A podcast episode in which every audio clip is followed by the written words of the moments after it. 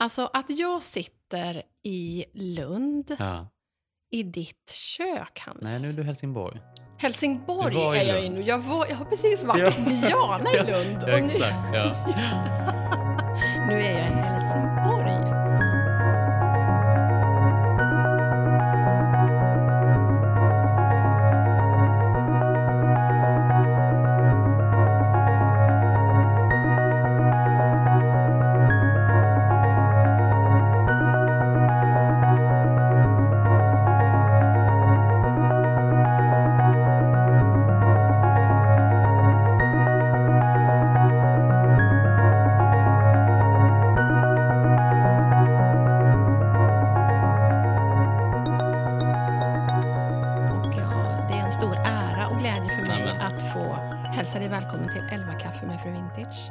Jättekul att vara med. Ja, väldigt, så- väldigt, väldigt kul. Så roligt att få sitta här i ditt fina kök. Och vi, vi kan ju redan berätta från början att vi har ju Charlie med oss. Ja, precis. Han ligger jätteduktigt här på mattan, men är det något ljud som låter så är det inte vi, utan då skyller vi på Charlie. Exakt, det är ingen charader direkt.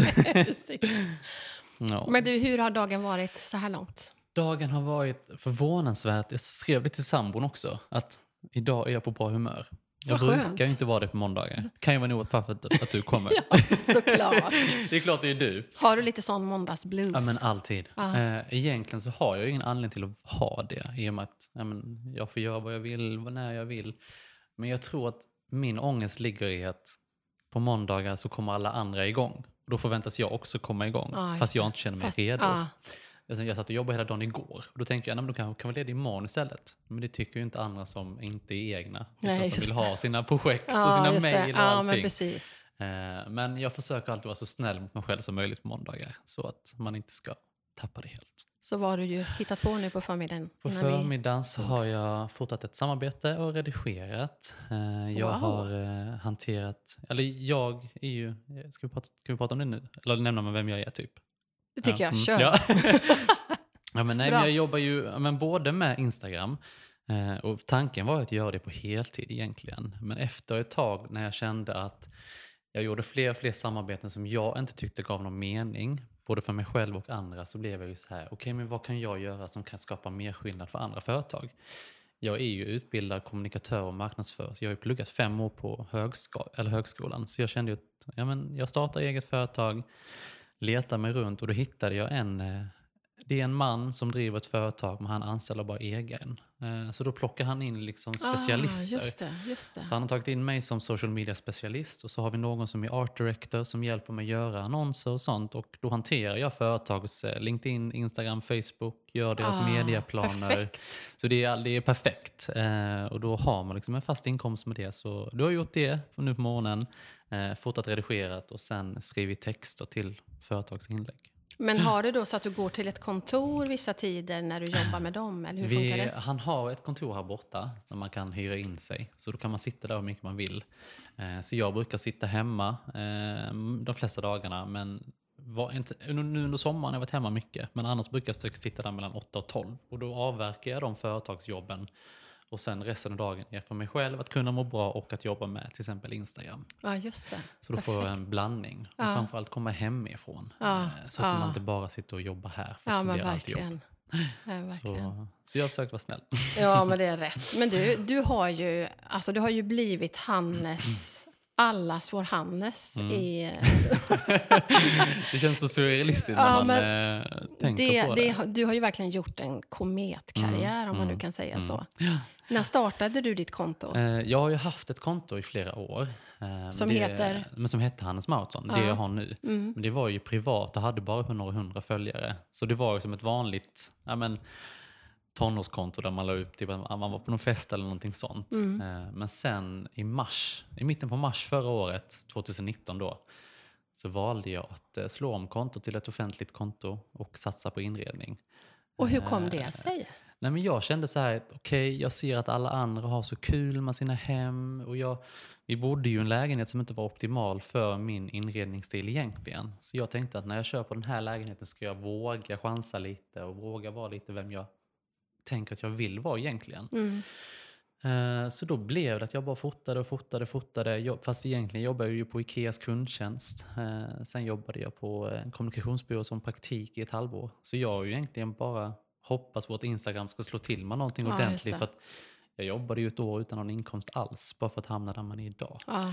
Eh, Och det är det många inte tror. För många tror att allting bara hände. Ja. Och att för att man har följare så får man pengar. Ja. Men så är det Precis. tyvärr inte. Tänk om det hade varit så. Det Exakt. hade ju inte varit mer än Nej, rättvist men egentligen. faktiskt, snälla någon. En krona för följare. Ja, men precis. I månaden.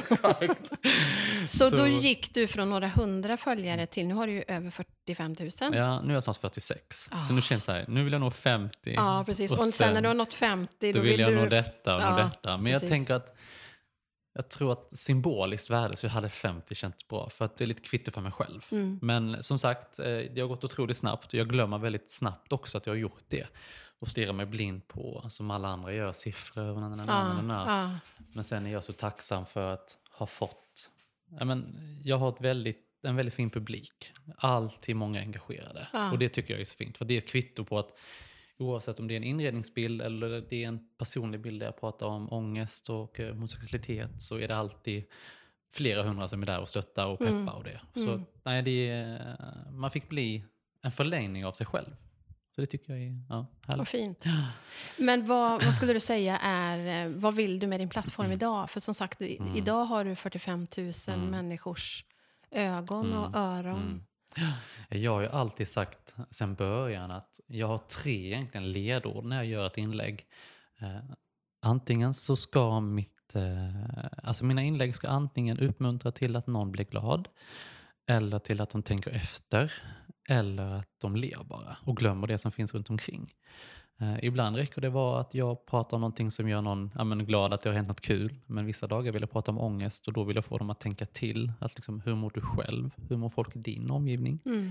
Så det är alltid försöka lämna ett print hos någon alltså som läser. Liksom. Så eh, antingen få dem att le eller tänka om eller liksom bara glömma allt som finns för en stund om det är jobbigt och bara vara.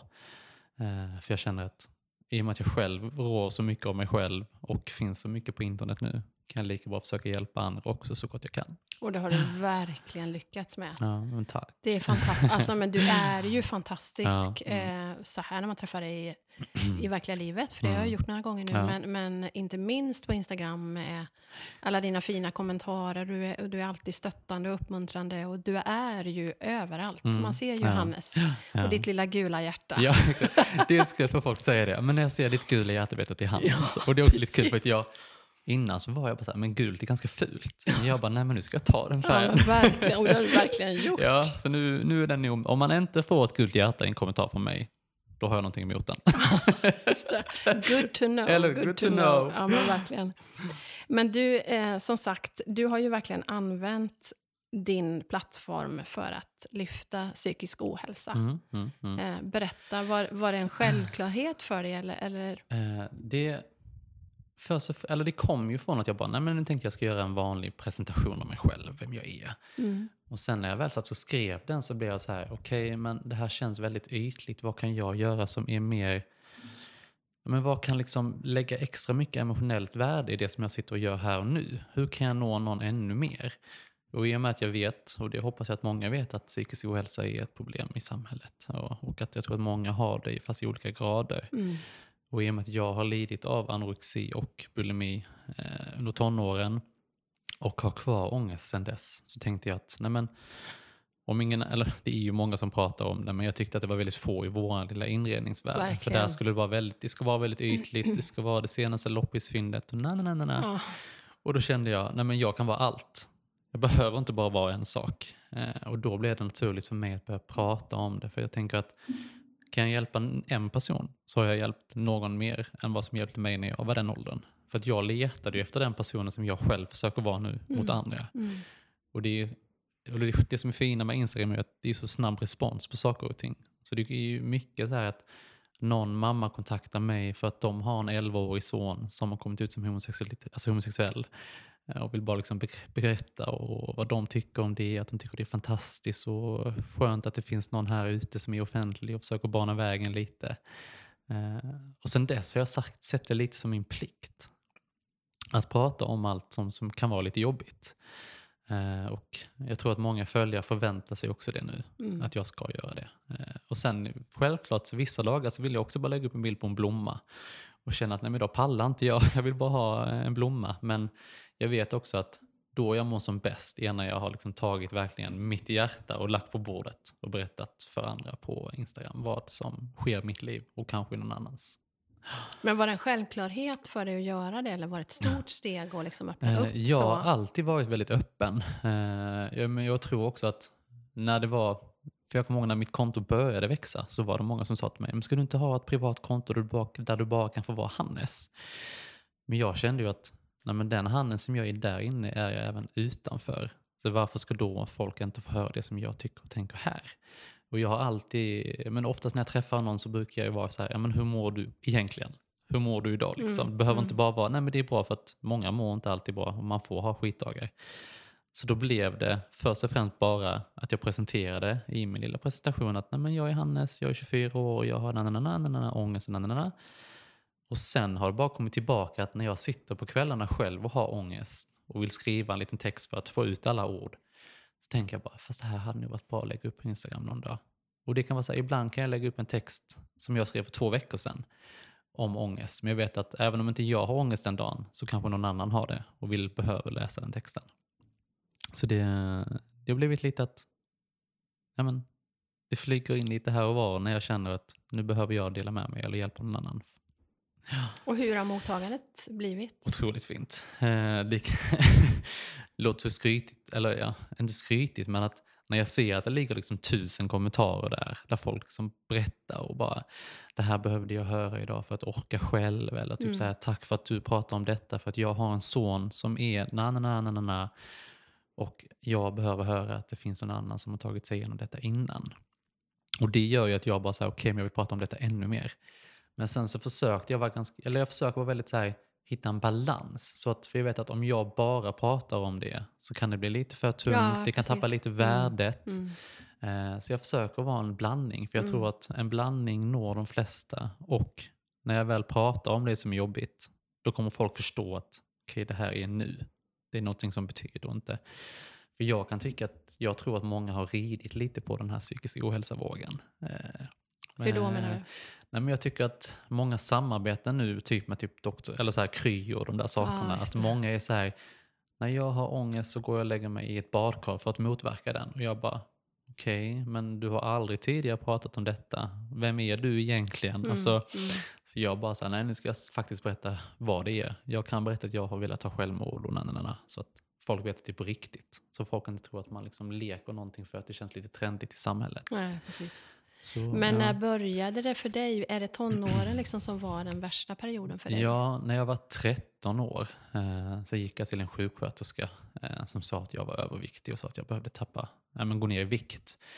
Och hen jämförde mig då med en annan person som också var väldigt smal, som det visar sig ha haft anorexia. Så jag, blev, jag som hade en, en del övervikt blev jämförd med den personen som hade anorexi. Så, som Oj. visade på att men titta, den här personen är jättesmal, du kan också. Så det började som en naturlig eh, viktnedgång som många andra. När man eh, tänker att oh, här tappar jag lite kilo och alla andra runt omkring Men- är också glada. Hur, hur, hade du, hur hade du själv sett på dig själv fram tills dess? Tyckte du då att Nej. du var överviktig? Nej, alltså jag vet, eller jag vet ju nu att jag var överviktig. Men som 12-13 år har kommit från grundskolan och det enda jag har gjort är att leka kurragömma med mina vänner ute på kvällarna och bollen på burken. Jag har inte tänkt på att jag kanske har lite extra kilo Nej. eller inte borde ätit de chipsen. Jag kan säga att jag skäms ju mer idag av att gå bartröjad än vad jag gjorde då, för att då brydde jag mig inte. Nej. Så det började som en vanlig viktnedgång. Men sen eh, märkte jag ju att nej, men om, jag skaffar, om jag skippar en måltid till, då kanske det går lite snabbare. Nej, men om jag skippar alla måltider den här dagen, vad händer då? Och sen blev det bara ett sånt beteende under flera år där jag utmanade mig själv till att inte äta på en hel vecka. Eh, Jag kommer ihåg när jag hade en kemilektion och, vi, och hon sa att nu får alla ställa sig upp, vi ska dela in er liksom grupper och så. Och då bara svartnade allting. Och då, för då var jag i en sån period, period där jag utmanade mig själv till hur många dagar kan det gå utan att jag äter någonting. Men. Och då hade det gått sju dagar. Eh, och då var det ju, jag bara okej, det här funkar inte. Så då får man lite mod till sig själv att man vill förändras. Men sen fall, faller man ganska snabbt tillbaka igen. Och jag tror att en av anledningarna till att det blev så grovt för mig var att jag hittade en vän som också var anorektiker. Så vi pushade varandra ganska mycket.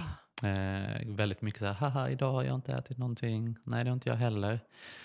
Eh, men om vi ska gå till det lite mer, eller det jobbiga för mig, men jag tror att många kan behöva höra är ju att när jag tänkte att det var lite en lek mot mig själv så hade jag ju samtidigt en far som var inne och petade på mitt skelett varje natt när jag låg och såg för att se om jag andades. Ja, för det var det jag tänkte säga. Mm. Hur mycket förstod de av att det inte var friskt? Nej, de visste ju att det inte var frick. Ja, det. Eh, det, de upptäckte ju min bulimi till exempel, att jag gick och kräkte efter varje måltid. Det var matrester kvar i toaletten och jag tänkte att haha, nu har jag kommit undan. Och na, na, na. Men de pratade ju med varandra. Ah. Eh, Men sen, som jag säger till många, att den stora förändringen kommer ju inte komma förrän man själv känner sig redo.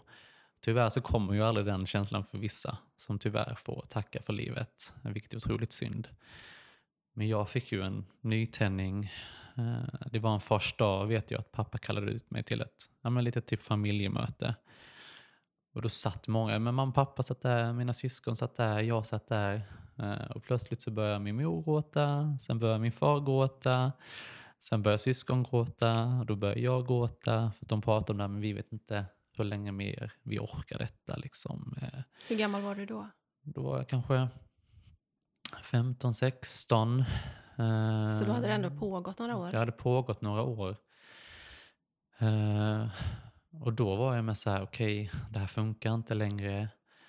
Eh, men sen så kommer jag inte ihåg så jättemycket mer för att jag har förklarat det för många att min kropp har stängt av ganska mycket från den tiden. Eh, lite som en försvarsmekanism. Ja, att, eh, men jag kommer ihåg många saker för att jag blev återberättade. Just det där att de kommer in och känner på min kropp om jag andas på nätterna och lite sånt. Men eh, nej, och anledningen till att jag pratar om det idag är ju för att ångesten som sitter där hänger ju fortfarande kvar. Eh, bullarna som vi har här bredvid oss just nu är fortfarande lite ångestfyllda för Ja, mig. Mm. Eh, och jag tror att det är någonting jag kommer leva med hela livet. Men att jag brukar säga att demonerna nu kan jag slå bort gentemot innan så styrde de. Så det, ja. Och vad har du fått för- hjälp? Vad är det som gör att du kan sitta här idag och ändå äta bullar tillsammans med mig? Nej, det är nog för att jag har skapat mina rutiner.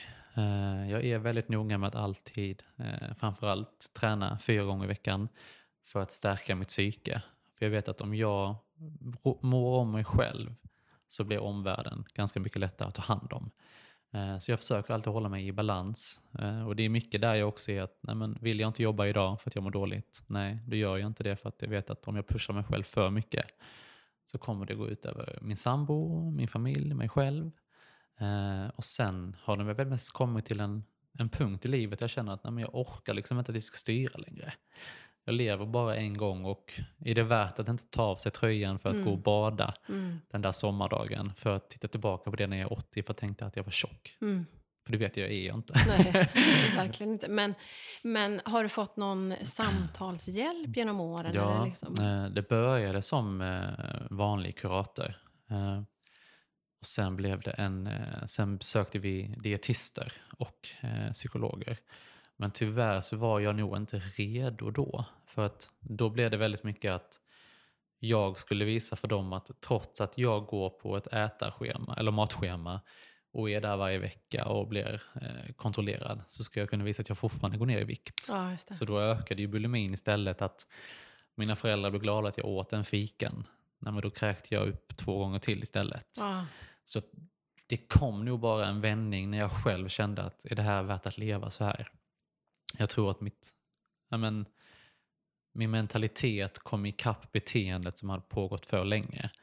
Och sen dess har jag gått tillbaka till psykologerna med jämna mellanrum. Eh, men oftast så är det inte på grund av anorexin utan att ja, men jag hade ett dåligt eh, förhållande som tog slut där jag tappade mig själv. Då visste jag också att nej, men det är, ingen, det är okej att gå tillbaka till en psykolog och bena ut vem det är och prata. Eh, och nu skulle jag väl säga att istället för att gå till en psykolog så lägger jag ut allting jag tänker och tycker till andra. Så är de mina psykologer. För att det är ingen som är elak.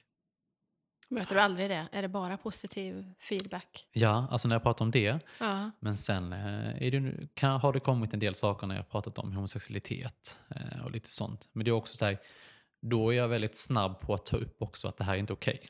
Och då kommer den här typen av kärlek en, gång till. Så, jag skulle nästan faktiskt vilja säga att det blir lite som ett beroende. Jag vet också att ibland när jag tar upp någonting då vet jag att här kommer komma bra respons som kommer värma mitt hjärta. Så ibland kanske jag inte hade behövt prata om någonting men jag känner att Hannes du behöver lite hjälp nu med, med den här dagen. Så att eh, det är en blandning. Men framförallt är det för att försöka hjälpa någon annan. Ja. För att alla har, men i den digitala världen vi lever i nu så är det så lätt att hitta någon som man kanske behöver se upp till. Det var som jag sa till Kristin Krickelin när vi träffades för några gånger sedan. Så jag, vet du vad, jag har följt dig i tio år. Och nu sitter vi här och är vänner. Ja. Vem trodde det då liksom? Nej. Så att, nej, jag försöker bara vara någon person som kan hjälpa någon annan genom att hjälpa mig själv. Ja, Eh, det är fantastiskt. Ja. Nej, det är kul. Så, Och som sagt, du har ju verkligen betytt mycket för många. ja, Men kan du mm. själv se när det började vända? Var det något, något särskilt som hände? Eller? Det var ju framförallt det eh, samtalet på den första. Ja. Eh, och sen var det ju, nej men så, jag tror att det var att jag började utmana mig själv till att när man ens äter den där lunchen eh, och sen när jag höll i den där lite, att jag skulle strida emot mitt egna beteende så blev det lättare med tiden. För jag märkte att okej, du är inte tjock igen. Eh, ser du Hannes, du har lite mer energi idag. Du har lätt lite mer idag. Du har orkat älska lite mer idag. Eh, alltså någon person, inte rent på ett annat sätt. Ja. eh, så det blev väl mest bara så här, det kom så många positiva effekter av att jag själv valde att försöka gå vidare som gjorde att jag tryckte på. Eh, och sen, eh, som sagt, så tror jag att jag kommer att få leva med det hela mitt liv, men på en annan nivå. Mm. Eh, så jag försöker sysselsätta mig med annat så att psyket får må bra på andra vis. Men då när ni hade det här samtalet på fars dag, eh, hade du kommit ut som homosexuell då? Visste familjen? Ja, eh, jag kom ut, eh, jag kom först när jag var 13 år, så kom jag ut som bisexuell. Eh, jag tänkte att samhället kommer att acceptera någon som i alla fall fortfarande tycker om tjejer. Eh, fast han tycker också om killar, så då kanske jag inte hade varit lika konstig. Men som många andra föräldrar och många andra i samhället så trodde ju folk att nej, men det kanske är en fas. Ja, just det. Så jag, fick, jag kom ju ut en gång till när jag var 15-16 och då kom jag ut som homosexuell. Men då var det för att jag hade skaffat min första pojkvän. Så då kom jag ut igen. Och det var det som var sanningen egentligen? Ja, det var ju sanningen från början egentligen. Mm. Och mina närmsta vänner visste också om att det var sanningen ända tills den punkten. Men att för de många okända så fick jag vara bisexuell. Men för de nära så var jag homosexuell. Ja. Eh, för jag tänkte att nej, men, samhället kanske är lite snällare mot mig då. Men det spelar ingen roll egentligen. så nej. Men hur togs det emot utav familj? Och Eh, Av omgivning? familj, både gott och ont. Eh, Jag har ju förstått på senare år att den reaktionen som jag tog negativt var ju eh, tänkt på ett annat sätt. Eh, de var ju kanske rädda mer för hur samhället skulle agera gentemot mig. Eh, inte att de inte accepterade vem jag var. Eh, men nu är det ju, ja men nu, nu är det inga problem med det. Jag är ju med min sambo och min familj varje vecka och jag har aldrig problem med att berätta att jag är homosexuell om någon frågar eller så. För att om det blir något problem så blir det väl något problem. Men jag hoppas på att det inte ska behöva vara det i min närhet. Tyvärr är det ju det på många ställen i världen. Men det är också anledningen till att jag är öppen med det. Så att folk ska se att okej, det går att ha ett bra jobb. Det går att ha kärlek. Det går att vara lycklig. För jag har pratat om det på min kanal också att när många tänker tillbaka på sina, alltså sina tonår så tänker de ju på den här första kärleken som man fick gå och hålla handen med i skolan. Man fick hångla med någon på festen. Men sånt fick ju inte jag för jag var ju rädd för vad folk skulle tycka och tänka. Mm. Så jag tänker att om folk ser att nej men det går kanske i vuxen ålder så vågar folk börja lite tidigare. Våga vara lyckliga och vara sig själv. Eh, för att livet är för kort. Och det är så klyschigt att säga men det blir mer och mer påtagligt när man blir äldre och tänker på att tiden går så otroligt snabbt. Ja, så är det verkligen. Och idag lever du med Alexander sedan hur många år Idag, då? eh, fyra och ett halvt år har vi varit tillsammans nu. Vi träffades i Stockholm, sen flyttade vi ner till Helsingborg där vi har bott nu i ett och ett halvt år. Men han är inte skåning? Nej, han är amerikan. Han är från Florida. Men vi åker inte över och besöker för att han tycker inte om eh, klimatet. Ah, är det, det så? Jag, han, tycker, han, eh, nej, han avskyr det. Så hans mamma kommer hit väldigt ofta istället. Ja, okay. Men nu är det ju nästan samma klimat här. Exakt, ja, ah. men verkligen. Nu hade ju, känns man är utomlands nu varenda dag. Ja, men 32 ja. grader var det när jag åkte hit idag. Ja, och jag, eh, jag, blev, jag tappade. och du känner här inne, det är väldigt varmt i vår lägenhet. Ah. Jag försöker förklara, jag säger det till folk att när jag går in här så känns det som att jag går in i en bastu. Min kropp ger samma reaktion. Men du, innan vi går vidare och pratar ja. om andra saker så tänker jag, om det är någon som lyssnar nu, kanske en förälder, mm. kanske en vän, kanske någon nära anhörig som kanske misstänker att någon har en ätstörning i ens mm. närhet. Mm.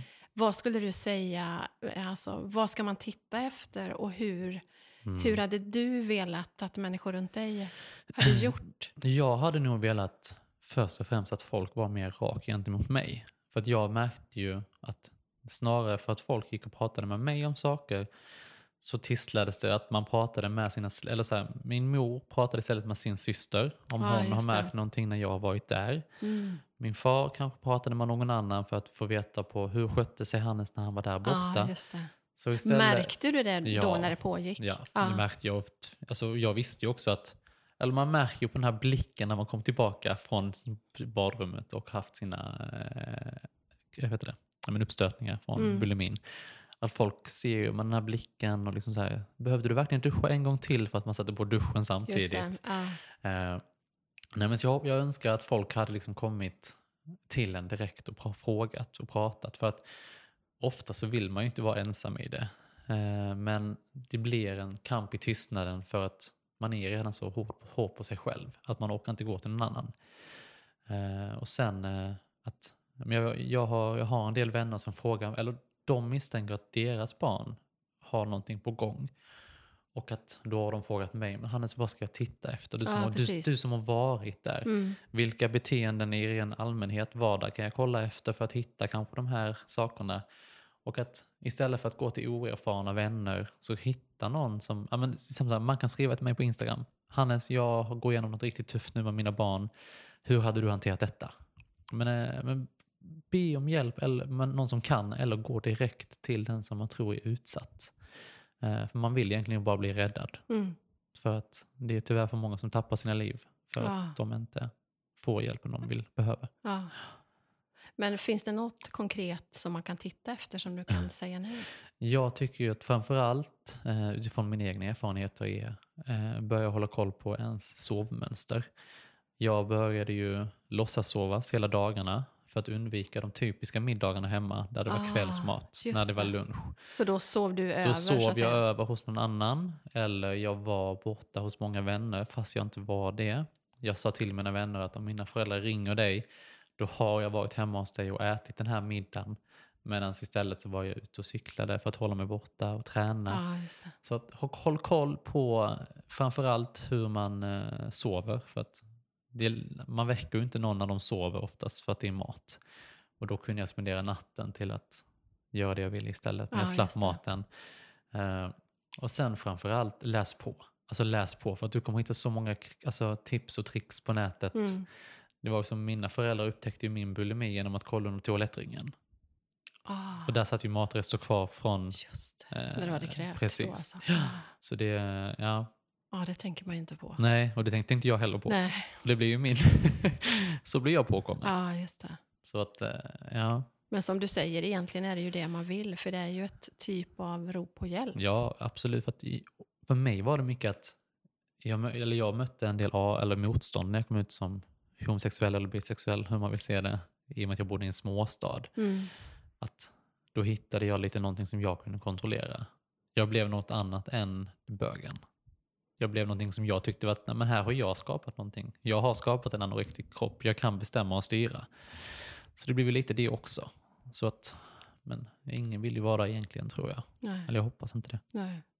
Men vad, du säger att det är många som inte klarar av, man orkar helt enkelt inte leva med, med det som det skapar. Ja. Kan du se vad som Alltså vart har du hämtat din kraft? Vad har varit din räddning och vad är din räddning idag?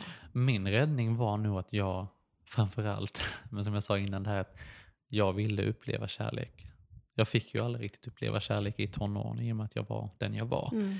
Och jag visste också att om jag inte mår bra, eller i alla fall känner mig okej, okay, så kommer jag aldrig kunna komma till de platserna mentalt där jag kan närma mig någon annan eller så. Eh, så ja, nu tror jag tappar lite frågan. Var, vart du hämtar din kraft ja. när, liksom, när, ja, när det fortfarande är tuffa perioder ja. idag. Vad gör du för att... Men när det är tufft idag så brukar jag, istället för att slå ner på mig själv, så är jag väldigt accepterande över att idag är en riktig skitdag. Mm. Idag Hannes stänger du ner allting. Eh, du tillåter dig att bara ligga i sängen hela dagen för att imorgon blir en ny dag. Och om du har tillåtit dig själv att ladda batterierna lite och försöka tänka snällt om dig själv eh, så blir det bättre. Och jag är också sån här, vill jag gråta, då sätter jag på Adele. Ja. Då, då, sätter jag på den sorgsnaste musiken jag vet istället för att folk, nej men då sätter jag på Avicii. Nej, då gråter jag för vet jag att har jag gråtit, då har jag fått ut det ur systemet. Ja. Då kan jag gå, gå kanske lite vidare. Eh, och sen eh, söker jag mig väldigt mycket till kreativitet, äh, kreativiteten. Mm. Jag eh, försöker piffa runt någonting eller så går jag framförallt ut med min hund Charlie. Och ibland kan vi bara sätta oss vid havet och bara kolla ut mot sundet och bara se hur vågorna kommer in mot. Eh, och bara liksom låta tankarna bara vara. För att om man stannar kvar i det beteendet som redan från början gjorde att man mår dåligt så kommer man ju inte ifrån de tankarna heller. Så att ta sig ut i det friska, för naturen hjälper. Det, mm. det kan man inte förneka. Och sen att verkligen bara, det är okej okay att ha sina dåliga dagar. Ingen är en superwoman, superman eller superhen. uh, ja. Och det, det har du, eller är du också väldigt öppen med på Instagram. Idag är det en skitdag. Mm. Ja, och då brukar jag säga, idag är en skitdag, skicka gärna pepp. Ja, precis. Skicka gärna ett hjärta. Ja. Mm. För, att, för jag vet också att när någon annan mår dåligt, då vill jag peppa dem. Så att, eh, och att den virtuella kramen kan vara lika stark som den fysiska. Framförallt nu när vi inte får ses särskilt ofta. Ja, men man gör. Ja, så verkligen. stötta där man kan stötta och stötta mer än eh, vad man redan gör. Du är ju som sagt en, en, stor inspiration för mig och för många andra. Din, din värme och din hjärtlighet. Och, eh, vad har du själv för förebilder i livet? Jag tänker inte, jag tänker inte främst på inredning och så, utan nej. finns det någon nu levande eller död ja, som ja. inspirerar dig? Men den som har inspirerat mig känns ju typiskt bögigt att säga också. Det är ju Lady Gaga. Oh. Sen jag var 13. Eh, framförallt, eh, för jag kommer ihåg hon höll ett tal någon gång där hon sa, jag tänker inte ta det på engelska men hon sa någonting om att typ så här, ikväll är stunden då du ska släppa alla och allting som någonsin har gjort dig ont. Idag är stunden du inser att du är värd mer än vad du tror. Alltså det är ganska klyschiga ord men när det kommer från någon som betyder så pass mm. mycket för en så kan det betyda ännu mer. Eh, och sen har jag alltid, alltid i hela mitt liv, det gör jag fortfarande, försökt beskriva mig själv genom texter eller musik för att ibland räcker inte ens egna ord till. Då går jag och lyssnar på någon låt som jag vet har, men som jag känner att det här, jag förstår den, den förstår mig. Och det kan vara den sorgligaste alltså Håkan Hellström-låten sen jag var 12 år eller inte. Men då slipper jag beskriva mig själv eh, och bara vara och bara lyssna. Så ja, men, eh, Lady Gaga framförallt för att det blev, ett litet, ja, men det blev en liten rörelse där när jag var 13-14 och hon kom upp och började trycka på, både mycket i USA, det här med att homosexuella hbtq-människor har samma rättigheter. Och jag hittade många vänner som var i samma sits som mig, där hon var liksom grundpelaren, i alla fall till vår vänskap. Eh, så att hon framförallt och sen eh, ja, men musik överlag. Att bara kunna förlora sig i någonting som inte är destruktivt. Vad är det bästa med Hannes? Vad är din styrka som människa? Oj, den har jag nog aldrig svarat på. För att man Kom igen nu. Ja, nu ska jag komma på här. Nej, men jag tror att min bästa egenskap, eller det bästa med mig själv, är att jag är så otroligt mån om min egen dagsform. Och det grundar sig, och det har jag också pratat om väldigt mycket, att lyssna på dagsformen. Du kan inte alltid må lika bra. Du orkar inte alltid lika mycket. Eh, dagsformen kommer skifta och så länge jag är mån om min dagsform och lyssnar på vad jag vill idag och vem jag vill vara idag eh, så kommer det att hjälpa i längden. Och sen vet jag också att jag är jävligt bra. Eh, men eh, det säger man inte så ofta högt. Nej, men det är bra. Det behöver vi säga oftare. Ja, ja, ja, jag är jävligt bra. Ja, det är bra. Ja. Men, men det här att, att lyssna till sig själv och, och dagsform och sådär. Är det någonting som så att säga kommit med, med åldern? Det har kommit med åldern och erfarenheterna. Ja. Eh, Med tanke på att du faktiskt bara är 25 år. Mm. Mm. Jag brukar säga det och många säger också det att Hannes, du är äldre mentalt. Eller hur? Och det säger jag också att, för att framförallt så visar det sig väldigt mycket i att vännerna jag har är oftast runt 40, 50, 60. Eh, mina bästa vänner är väldigt mycket äldre. Eh, och när de berättar någonting som de har gått igenom när, när ja, men i den åldern de är nu så känner jag att det gick jag igenom igår. du vet, så här, jag bara, vi är redan på samma barriär och nivå tillsammans. Bor det en liten tant där inne i Hannes? Mm, Du ser ju mina pelargoner här hemma. Precis. det är ju ultimata tantblomman. Eh, Ja, men det, det är en tant inom mig. Eh, Och jag tror att anledningen till att jag också embracear den lilla tanten är för att jag vet att hon är väldigt klok och vet vad som gäller egentligen. Så Mm. det lägger på en ganska mycket, eller ganska mycket vishet på vem jag vill vara och acceptans och förlåtelse och så. Ja. Och vad behöver Hannes bli bättre på? Hannes behöver verkligen bli bättre på att säga det som han sa, att han är jäkligt bra. Jag tävlar väldigt mycket mot mig själv, eh, fast jag inte har någon anledning till att göra det egentligen. Och sen borde jag, eller jag måste bli bättre på att eh, det låter också töntigt, men alltså att älska mig själv för att i och med de åren som jag har gått igenom så kan jag känna att jag ligger lite efter många. Eh, många tror nog att jag är så himla mycket Nej, men han älskar sig själv, han förstår sig själv och det gör jag i en viss mån. Men jag vet också att när mina dåliga dagar kommer så blir det väldigt påtagligt vad jag inte har uppnått ännu. Eh, Så jag måste bli bättre på att bara kunna vara Hannes utan att känna att det ska vara någon annan Hannes. Utan att den Hannes det är, det är den Hannes. För det här, det här med, eh, som du har valt att vara väldigt transparent och öppen eh, i sociala, sociala medier, på blogg och, och Instagram, det kan ju också komma med ett krav. Att du Precis. alltid måste fläka ut det Ja. och alltid... Det kan ju finnas, som du sa, dagar när man bara vill lägga ut en blomma fast man egentligen mår skit. Precis, och det, det har jag också... Eller, det, det, har blivit, eller, det har inte blivit ett problem, men det har blivit en liten tyngd. För jag kan känna att ibland... Eller jag känner att jag har tagit lite stafettpinnen till att jag måste prata om detta. Och sen så blir det att jag har en period där jag mår väldigt bra. Jag har inte så många destruktiva tankar. Och då kommer inte de där inläggen. Och jag vet också att folk vill ha de inläggen för de, har, de skriver till en och bara säger men nu har du inte pratat om detta på länge. Eller när det inlägget väl kommer så är det åh jag har saknat den här Hannes. Och då blir jag lite så här okej men tycker du inte om hela Hannes så tycker inte jag att du borde finnas här för att jag måste få vara alla mina olika delar. Och när du själv vill. Precis, inte på någon beställning. Nej. För att även om jag är en strateg åt andra företag så är Hannes Mausson bara Hannes egentligen. Mm. Eh, och det, det är väl en av anledningarna till att min Instagram har blivit mer och mer lite vad jag känner att den ska vara, alltså oavsett. Den var ju bara inredning ett tag men sen kände jag att jag kom till ett vägskäl där jag kände att okej Hannes, du är så mycket mer än detta. Det är dags att börja visa detta nu för annars så kommer du låsa dig själv.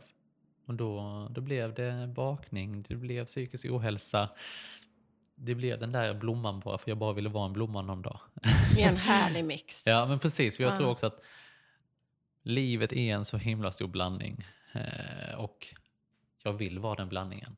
För att i den blandningen finns det så många saker med livet som är så himla fint som jag annars tror jag hade gått miste om. Mm. Du skrev någon, för någon dag sedan också, eller för några dagar sedan, att du behöver bli bättre på att njuta Mm, mm. av allt det du faktiskt har åstadkommit. Ja, det är ju min Hur går det med det? Väldigt dåligt. det är också från dag till dag. Men jag säger alltid det att min sämsta egenskap är att jag jäktar. Mm. Eh, säg att vi har bott i den här fantastiska lägenheten i ett och ett halvt år. Medan i ett år så har jag redan sprungit ifrån den. Jag har flyttat mentalt för att jag känner att men hade jag bott här istället så hade jag kunnat haft de här karriärmöjligheterna. Jag hade kunnat fota så här. Nej, men jag hade kunnat odla den här dahlian som är så himla populär för. Att då kanske det här hade kommit in på min Instagram. Lite sånt där. Mm.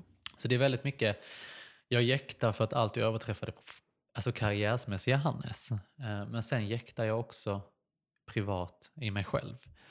Eh, jag tycker inte, eller jo jag tycker ju om att bara sitta still. Men då får jag en väl, ganska mycket ångest över att, nej men Hannes tänk vad alla andra gör nu medan du gör ingenting. Förstår du egentligen värdelös du är? Men sen vet jag också att, nej men Hannes du har suttit fem dagar i rad och jobbat till 11-12 på kvällen. Sitt nu bara still. Eh, så jag, hopp, jag hoppas på att kunna sluta jäkta och börja njuta lite mer om nuet. För att, eller jag, jag, tycker att Facebook är lite elak där. Den skickar ju minnen, den skickar ju minnen till en. Typ så här, för fem år sedan gjorde du detta och jag bara ursäkta? Det gjorde jag inte alls det, det var igår. och då har jag sprungit i fem år utan att tänka på vart jag ska egentligen. Men, kan du, men det känns ju ändå som att du har en sån självinsikt så mm. att du kan förstå att även om du skulle hitta den här Skånegården eller mm. vad det nu är du mm. drömmer om så kommer du vara nöjd där ett tag men sen så... Sen kommer jag vilja vidare igen. Ja. Det, är, det är både läskigt att veta om det eh, för att då vet jag också att jag kommer nog aldrig vara helt tillfredsställd i mitt liv. Eh, och det tror jag att folk i min närhet också märker eh, att, jag inte alltid, att, eller att jag inte är nöjd väldigt ofta. Och det tycker jag, kan jag tycka är ledsamt både för min sambo, för jag vet att han är väldigt nöjd med vart man är idag, vart vi är och vart vi ska. Medan... Men kan han hjälpa dig då att se liksom vad ni har? Och... Ja, absolut. Eh, men han är väldigt mycket så här, men Hannes kom igen seriöst. Vi har bott här i ett år. Eh, men nu är det väldigt materiellt pratande, men det blir så påtagligt när jag tänker i den aspekten. För då blir det så tydligt att jag kanske vill någonstans för någon annans skull. Jag tänker på vad följarna han kanske, vill, ja, kanske vill ta av Hannes. Mm, mm. Medan jag egentligen bara vill eh, åka iväg och ligga på stranden hela dagen för att idag har jag en bra dag rent psykiskt. Eh, så nej, jag försöker stanna upp. Blir du bättre på att, att ta den där dagen och lägga dig på stranden då? Uh, oftast inte rent allmänt på grund, på grund av det, ätstörningarna. det blir din läxa ja. i den här podden. Jag kommer att, söka upp dig nu och hänga som en liten igel. Ja, ja men det behöver jag. Ja. Det, nej, det tycker jag. Så nej, det, det ska, jag säger att det ska bli skönt. Det har blivit bättre, det har det absolut blivit. Uh, men jag tror att... Uh, för jag tänker att det är ju också en del av att vi bara har det här livet mm. här och nu. Mm, verkligen. jag tänker ibland på vad är det, nu är jag 50, jag är dubbelt så gammal som mm, dig och mm. du är yngre än två av mina barn. Um, på tal om att ålder inte har någon, spelar någon roll. Nej. Nej, men jag tänker ofta på vad vill jag se tillbaka på mm, i livet ja. och hur vill jag se tillbaka på mitt liv. Mm. Vill jag se tillbaka på det som en, om jag tänker i ditt fall nu då, som en enda jakt på vad följarna vill ha. Ja vilken Hannes de mm. vill ha, vad, vad, du ska ge dem eller ja. vad, vilken typ av liv är det du vill mm. se tillbaka mm. på. Mm. Mm. Det är de tankarna jag tappar in på ganska ofta. Eh, men sen blir jag så självupptagen igen med typ jag borde göra detta, jag ska göra detta. Och sen helt plötsligt så är det jul igen. Då har det gått ett år igen. Eh, men jag, nu kanske jag säger bara det för att jag vill jäkta, men jag tror att när jag hamnar i, en, i ett hus med en trädgård så kan jag gå ut, för att jag vet att när jag är ute med min hund Charlie då, att du säger, då tar jag av ankopplet och så lägger jag, lägger jag bara ner på gräset. Jag bara ligger och kollar upp i himlen. Men sen vet jag också att jag måste gå för att det här är en offentlig park, här kan jag inte ligga hela dagen. så jag tror att jag kommer bli bättre på att njuta när jag har alltså, mer frizon för mitt eget... Nej, eller så här, för jag har en vän som tyckte, som tyckte sa det så bra. För hon flyttade till, ett, till en större bostad och hon bara, nu har jag äntligen landat tillräckligt stort nog för mitt ego. det kanske är det Jag tror det kan vara lite det också, att jag behöver, jag behöver, jag behöver kunna ha någon större plats för mig själv. För du är för stor för den här lägenheten ja, helt enkelt. Faktiskt, ja. Men du, då, det för mig osökt in på frågan, om du, om du skulle drömma och tänka fritt och stort, mm. helt utan gränser, både ekonomiskt och allt. Ja. Vart är ni då, eller du och ni, eh, om fem år? Om fem år eh, så håller jag inte på med Instagram. Är det så? Eh, inte alls? Kanske Alltså nöjesmässigt. Mm, att men inte gör, som din, nej, ditt levebröd. Nej, precis. Och det är där jag jobbar mig bort mer och mer ifrån. Att det inte ska vara ett levebröd. För att med levebröden så kommer även alla krav från alla andra. Det är ju därför jag valde att starta upp eget och bli frilans, för att jag ville komma ifrån den pressen. Så jag hade hållit på med Instagram för att det är kul. Eh, hoppas att jag hittar tillbaka lite mer till det. Vi hade bott på Skånelänga och jag hade legat där i gräset bland mina dahlia odlingar med en hund till. Eh, så att han har någon att leka med. Och sen kanske till och med ett barn. Eh, men sen vet man inte hur det går i och med att man är homosexuell. Det vet jag inte. Så, och så hoppas jag att jag är eh, men tillfreds med mig själv och inte har de här dåliga dagarna. För att de tar för många dåliga, eller det tar för många dagar av de dagarna som hade kunnat vara bra. Mm. Jag brukar säga att jag förstör väldigt många stunder i livet för att jag är ledsen över ingenting. Så det som hade kunnat vara otroligt bra har jag redan förstört för att jag har ställt in mig på att idag ska det vara dåligt. Så det hoppas jag. Mm. så vi får se. Fantastiskt. Mm. Det tror vi på, att det kommer att bli jag så. hoppas det. Ja, ja, verkligen. Men du, till sist Hannes, mm. eh, visst går tiden fort när man poddar? Ja, men snälla, jag, jag, jag tänkte nyss, jag bara så här, har det gått en timme eller tio ja, minuter? tiden går fort och vi ska runda av och jag är från djupet av mitt hjärta så glad och tacksam för att du ville vara med i min podd. Väldigt kul att vara med. Jätte, Tack jätte, för allt som du har delat. Jag tror verkligen att det kommer att, att hjälpa människor. Tack. Jag önskar dig och din lilla familj allt gott. Jag önskar er där, den där Skånelängan och trädgården. Ja. Inte för att det ska stressa dig till fler bilder utan Nej. att du verkligen ska få ligga där i gräset och njuta med ja. Charlie och ja. mysa. Och jag önskar dig allt gott. Tack Och att vi fortsätter vara vänner.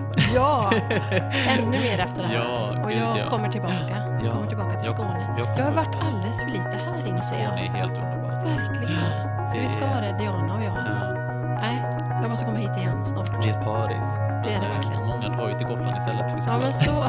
Just det. och du kommer därifrån. ja, precis. Jag kommer därifrån. Eh, men du, tack, tack, tack. Tack, tack själv. Tack till alla som har lyssnat. Ja, tack för att du lyssnade. Hej då! Hej då! Jag är så otroligt stolt och glad över att Läkarmissionen ville bli min huvudsponsor för podden. Så det här avsnittet görs i samarbete med just Läkarmissionen som ju är en hjälporganisation som förändrat framtiden för utsatta människor ända sedan 1958.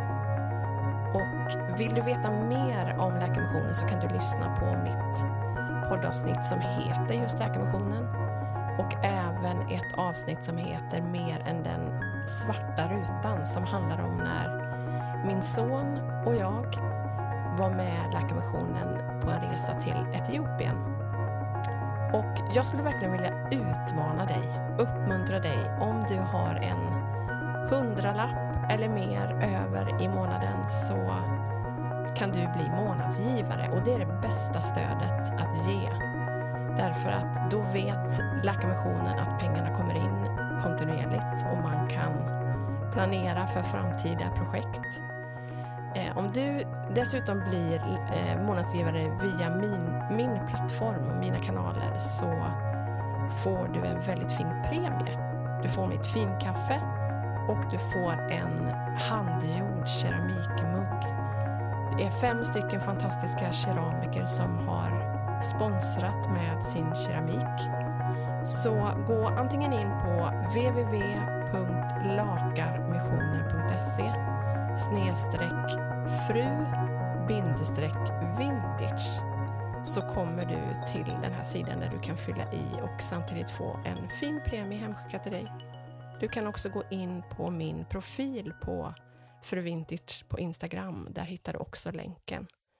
Så var med och förändra framtiden för utsatta människor. Ditt bidrag gör verkligen skillnad.